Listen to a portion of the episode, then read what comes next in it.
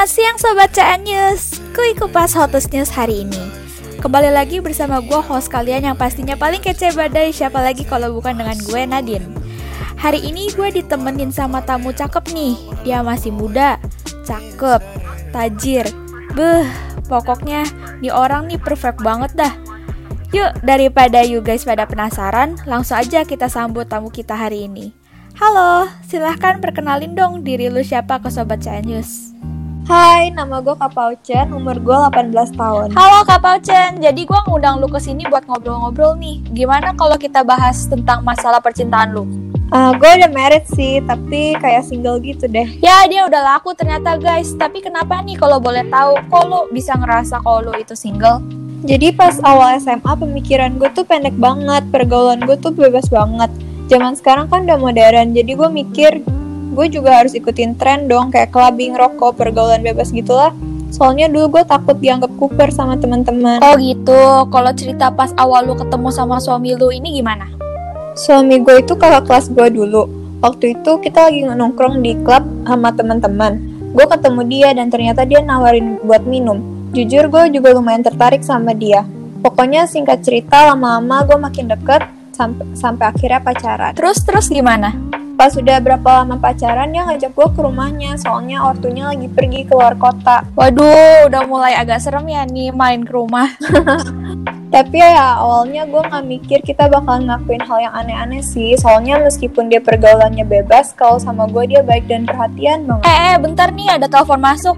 Nah geng, sorry dipotong bentar ceritanya. Jadi kali ini tamu gue bukan cuma satu nih, ada dua. Sobat Chinese, kita sambut lagi yuk tamu spesial kita yang satu lagi. Dia bisa dibilang kayak ahli cinta gitu deh sama masalah cewek. Yuk langsung kita sambut. Halo kak, selamat siang. Halo guys, kenalin nama gue Azeto. Kerjaan gue setiap hari itu kasih advice ke cewek-cewek yang lagi punya permasalahan di diri mereka. Gue lulusan psikologi di Universitas ABC yang ada di Karawaci. Oke, jadi itu geng tamu spesial kita yang satu lagi. Kalau Azeto gimana nih? Udah ada cowok juga atau gimana? Udah nikah sih, baru uh, pas lulus, lulus kuliah. Wih, lucu juga ya. Bener kata orang jodoh itu bisa ditemuin di mana-mana ketemunya.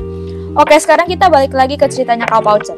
Oke, gue lanjutin. Jadi di sana kita nonton film horor. Gue nggak sadar tiba-tiba udah jam 12-an. Tadinya sih gue mau langsung pulang, cuman kata cowok gue nginep aja sekalian. Waduh, waduh. Jadi kalau juga ya baru satu bulan. Pokoknya tiba-tiba dia ngajakin minum gitu kan. Minum apa tuh? Jus, soda? Enggak, pasti alkohol udah ketebak banget ya nggak?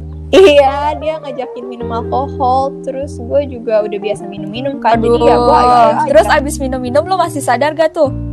Nah ini yang bikin gue nyesel banget Gue bener-bener gak sadar apa yang gue sama dia lakuin sama kita mabok Besok paginya gue shock banget, gue langsung nangis Terus-terus dia gimana pas liat tuh nangis?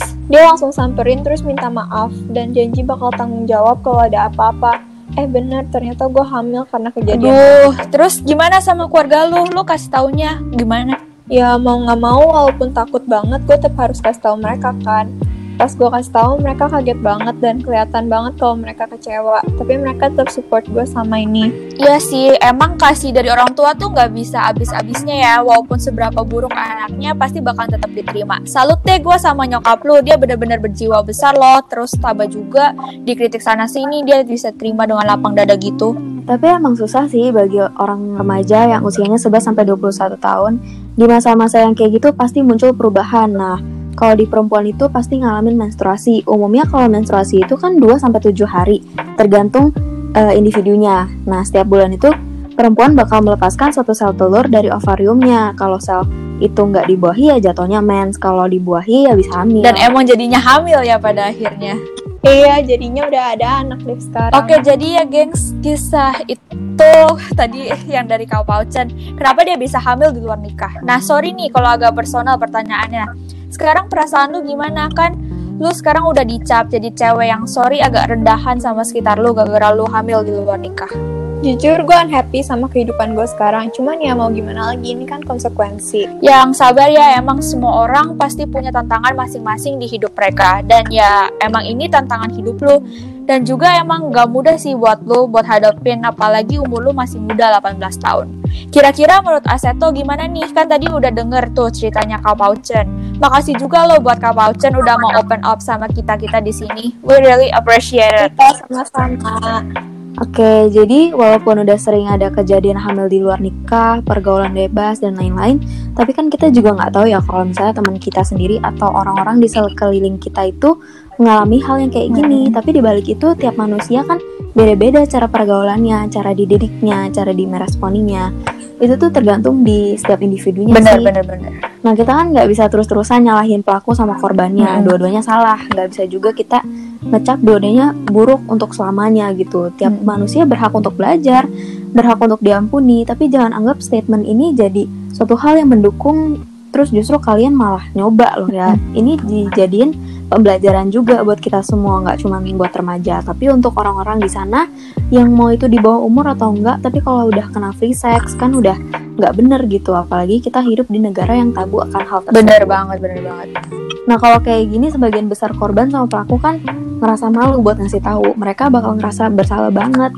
Plus nyalahin diri sendiri terus dan itu nggak bagus. Udah gitu susah juga toh nyalahin ke misalnya ngaku ke orang tua buat hal kayak gini Iya bener banget, apalagi kalau udah dicap sebagai anak yang baik-baik di lingkungan orang-orang Jadi either percaya nggak percaya kalau kita udah pernah ngelakuin penyimpangan sosial kayak gitu Nah itu makanya di sini kita belajar buat ngaku. Memang agak berat.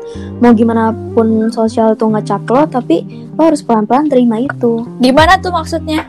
Jadi pertama kasih tahu ke orang tua lu dulu. Karena mau gimana pun orang tua adalah orang yang ngedidik dan ngurus lu dari lu lahir. Mereka berhak mengetahui apa yang dialami oleh anaknya sendiri dong, ya nggak? Bener-bener Akuin kesalahan lo sama dia ngomong baik-baik. Kedua, bilang ke orang-orang terdekat lo bahwa lo pernah ngelakuin hal ini. Gak usah mikir mereka responnya kayak Hmm. gimana. Abis itu kalian harus decide mau gimana jalan keluarnya. Pastiin ambil keputusan yang terbaik. Harus tenang, percaya sama satu sama lain. Tapi tapi kalau dianya nggak mau tanggung jawab itu, terus gimana? sebenarnya there'll be way gitu. Jangan putus asa. Ini adalah tanggung jawab lo juga. Makanya belajar dari uh, menjadi dewasa itu sebuah proses yang panjang dan bakal susah kalau misalnya lu jatuh ke jalan yang salah. Iya bener banget. Jadi dewasa tuh emang butuh proses yang panjang sih emang. Tapi bener sih emang pasti ada jalan dan tentunya gue nggak bakal bisa ngejalanin ini semua tanpa bantuan dari orang-orang lain yang kasih dukungan buat gue Kuncinya sih semuanya dibalik dari lo sendiri. Tuh guys, semuanya balik ke diri lu sendiri. Lu yang lakuin, lu pun harus bisa bertanggung jawab atas apa yang lu lakuin saat itu. Makanya jangan sampai deh jatuh ke pergaulan yang salah, dengerin apa kata orang tua lu. Emang sih remaja tuh kepo banget dengan semua hal gitu, tapi di balik itu pasti ada limitnya. Jangan asal main-main gitu. Nanti kan kalau nggak malah kalau salah jadi ribet. Jadi harus bijaksana dalam melakukan segala hal. Oke, jadi kata kuncinya adalah jagalah pergaulan lu dengan baik. Kalau udah jatuh, biasanya susah ya bangunnya. Oke guys, gak berasa waktu kita udah habis nih. Jadi that's it buat episode kali ini. Gua Nadine, host kalian yang paling kece badai, undurin diri. Sampai ketemu lagi di episode CN News yang lain. Bye-bye and stay healthy. Podcast ini dibuat sebagai tugas pembelajaran sosiologi di UPH College.